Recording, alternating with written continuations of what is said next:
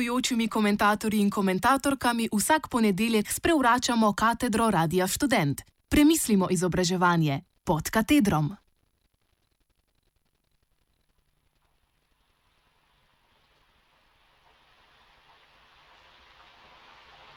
Investiranje v znanje izplača najvišje obresti.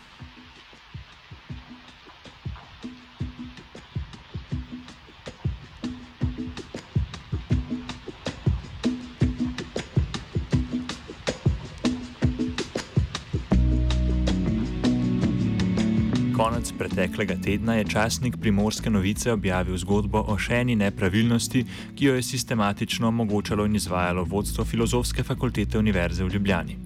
Posebej pomenljivo je, da se kot glavna akterka zadnjih nepravilnosti pojavlja nekdanja prodekanja Filozofske fakultete in zdaj, zdaj že nekdanja prorektorica za pedagoške zadeve Branka Kalenič Ramšak. Ta je bila namreč tista, ki se je v, zadnjih, v zadnji veliki aferi, aferi z izplačevanjem dodatka za stalno pripravljenost, kot prva opravičila javnosti.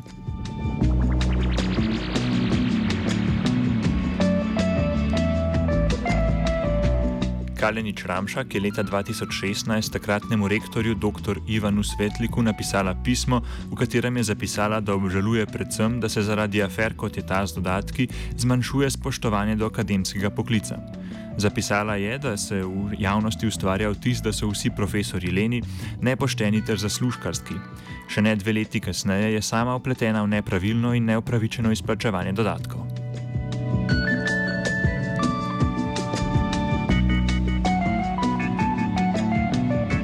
Vsi dekani sicer prejemajo položajni dodatek v višini 12 odstotkov osnovne plače, ki jim pripada po uredbi o kriterijih za določitve višine položajnega dodatka za javne uslužbence. Ta dodatek ni sporen, saj uredba velja za celoten javni sektor, višina dodatka pa je odvisna od števila zaposlenih na organizacijski enoti, v primeru dekana torej na fakulteti.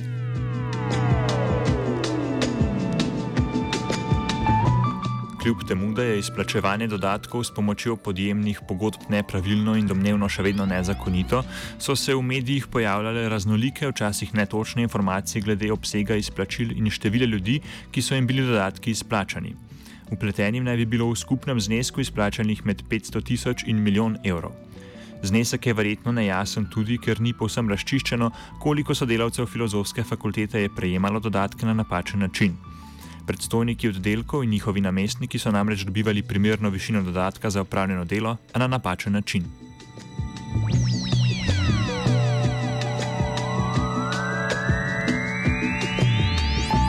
Gorast Kovačič, predsednik Visokošolskega sindikata Slovenije, na kratko opiše dogajanje na filozofski fakulteti v zadnjih nekaj letih. Zgodba se je začela s tem, da je dekan Roman Kuhar pred slabim letom nastopil položaj in našel podjemne pogodbe, ki so jih dobivali njegovi predhodniki.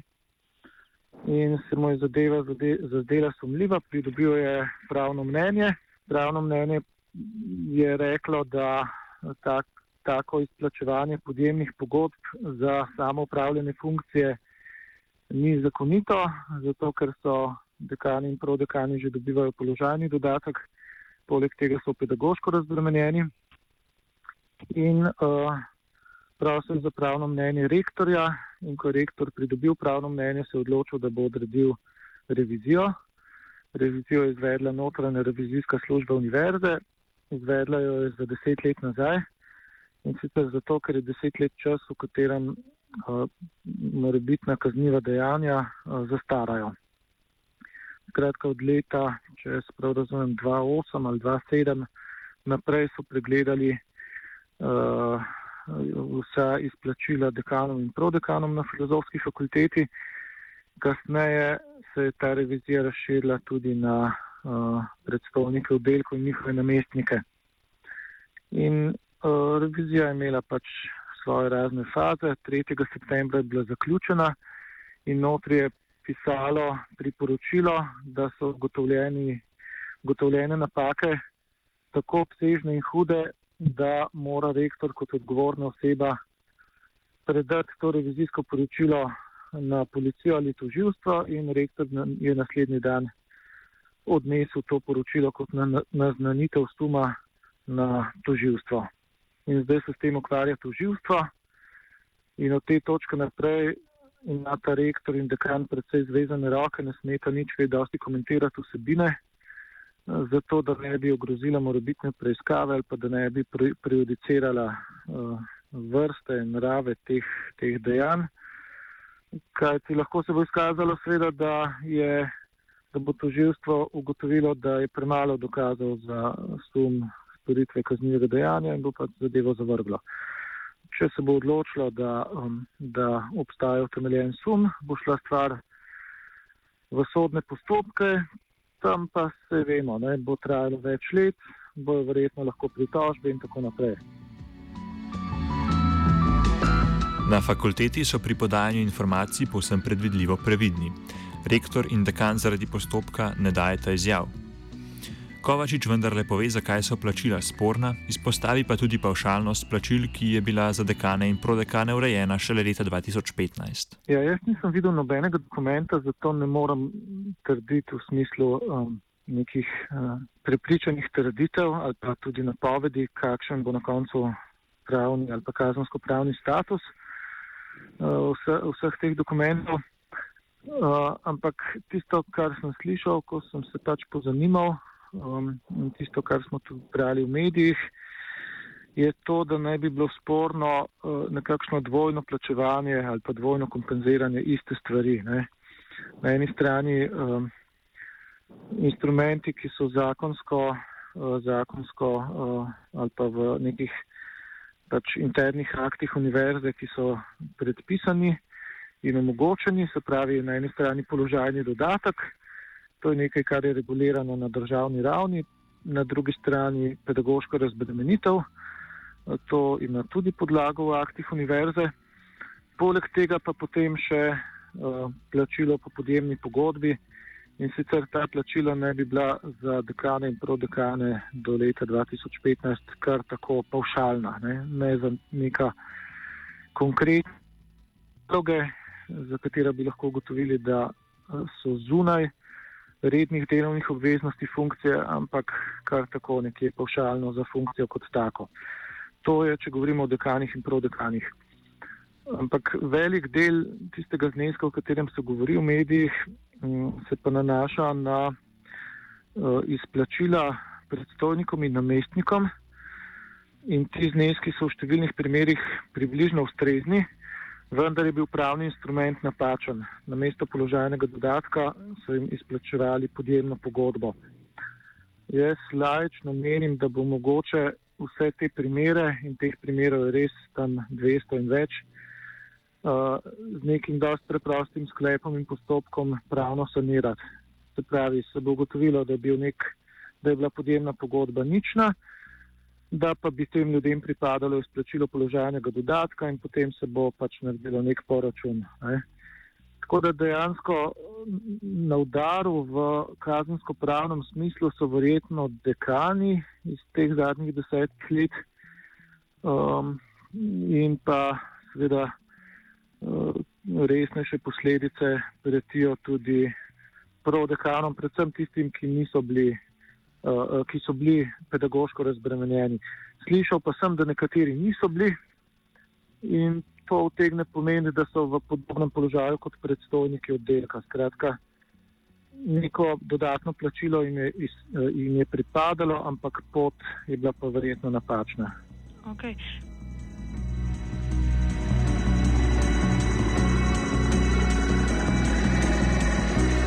Kalenič Ramšak je za nekatere medije izjavila, da bo svojo nedolžnost dokazovala po pravni poti. Glede na to, da se iz nekaterih medijev zdi jasno, da je bivša prodekanja vedela, kaj počne, je zanimivo vedeti, kako svojo dožno, nedolžnost upravičuje. Za razjasnitev poglejmo še, v katerih primerjih je podjemna pogodba primeren način izplačevanja sredstev. Podjemna pogodba se sklepa za občasna in časovno omejena dela. Podjemno pogodbo lahko sklenete tudi delodajalec in delavec, ki je že sklenil pogodbo o zaposlitvi, vendar le v primeru, da upravlja naloge, ki niso del rednih delovnih nalog. Podjemno pogodbo lahko podpišajo tudi zunani, zunanimi akteri, če to dovoli univerza ali pa denimo za raziskovalne projekte. Z drugimi besedami, dekani in prodekani prek podjemne pogodbe naj ne bi prejemali plačila za delo, ki je predvideno že s pogodbo o zaposlitvi in drugimi univerzitetnimi akti. V vsakem primeru morajo jasno navesti dodatne naloge, s katerimi upravičujejo izplačevanje prek podjemne pogodbe. Eden izmed univerzitetnih aktov, ki določa obveznost vodstva univerze, je denimo statut Univerze v Ljubljani.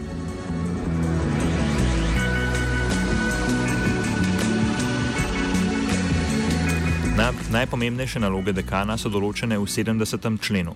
Poleg eksplicitno navedenih nalog je pomembna tudi 13. točka omenjenega člena, kjer je navedeno, da dekan, citiramo, opravlja druge naloge v skladu s tem statutom, splošnimi akti univerze in opravili članice. Konec citata. Ob branju statuta je torej jasno, da bi vodstva fakultete tudi s podrobnimi navedbami nalog težko upravičila izplačila prek podjemnih pogodb. Vse naloge, tudi tiste, ki niso eksplicitno navedene, so po statutu del delovnih obveznosti dekana. Dekan poleg tega tudi odgovarja za, za zakonitost del na članici. Za napačno ali neupravičeno izplačane dodatke je torej odgovoren dekan fakultete. Po, na, po navedbah nekaterih medijev je sicer sporne pogodbe dekani Kalenič Ramšak podpisoval nekdani rektor Ivan Svetlik.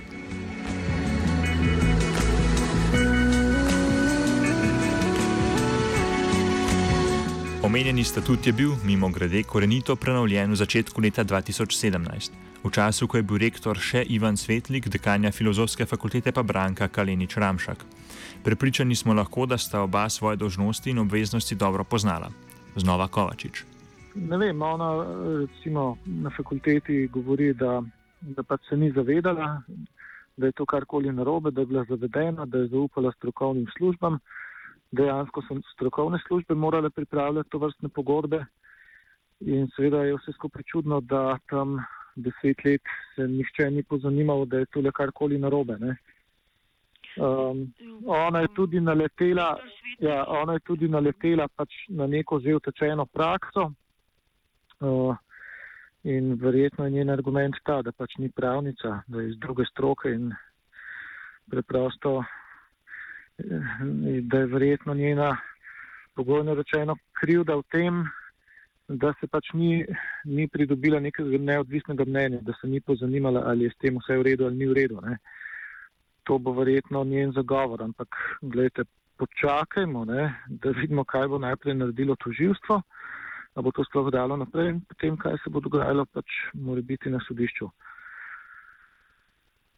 Težko, težko je zdaj oceniti, ne, ker ne poznam jaz niti dokumentov, niti seveda vseh okoliščin. Te okoliščine se bodo potem pač razjasnjevale pred pristojnimi organi.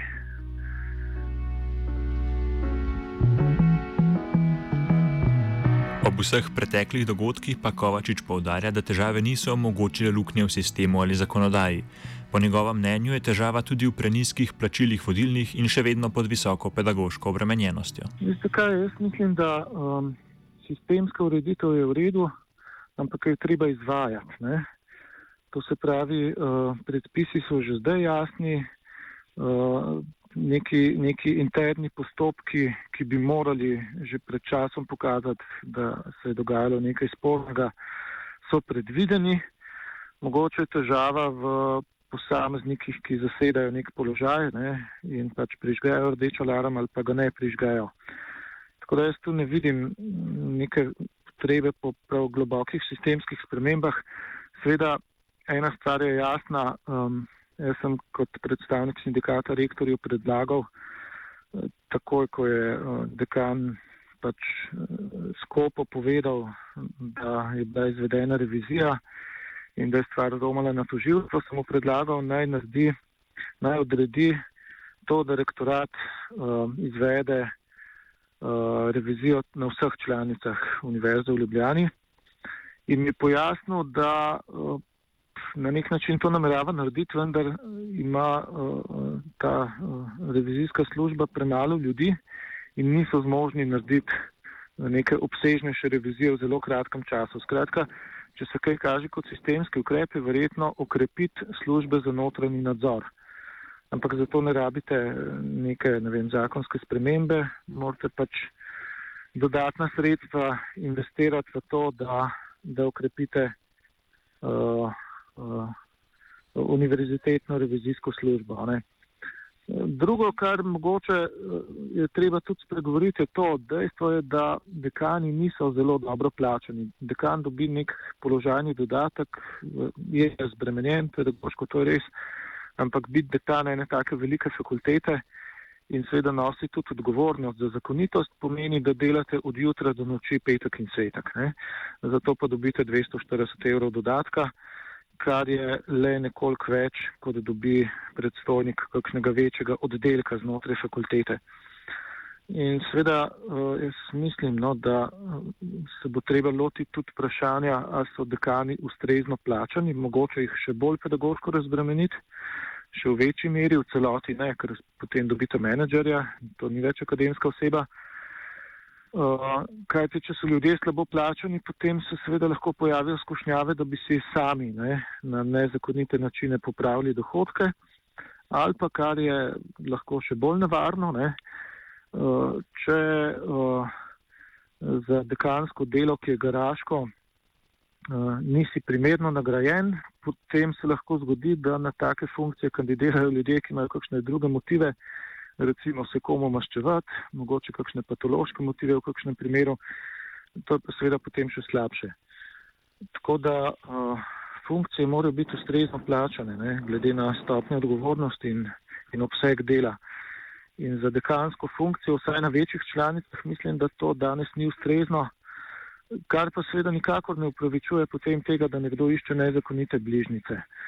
Ampak, če govorimo o sistemskih spremembah, ki ne bi v bodoče preprečile takšne dogodke, mislim, da bo treba nasloviti tudi to vprašanje. V sredo se bomo udeležili tiskovne konference na temo domnevno neopravičenih plačil. Tam bomo verjetno izvedeli več podrobnosti, pa tudi to, ali se bo revizija razširila še na druge fakultete. Morda nam bodo povedali celo, zakaj se rektor Svetlik pred leti glede podpisovanja podjemne pogodbe ni posvetoval s pravnimi službami.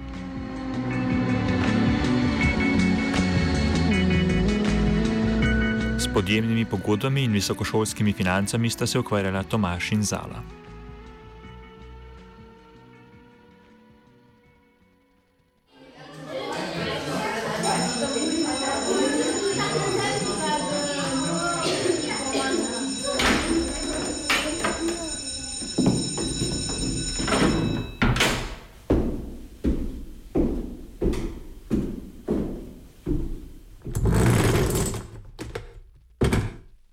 Gostujočimi komentatorji in komentatorkami vsak ponedeljek sprevračamo katedro Radia Student. Premislimo izobraževanje pod katedrom.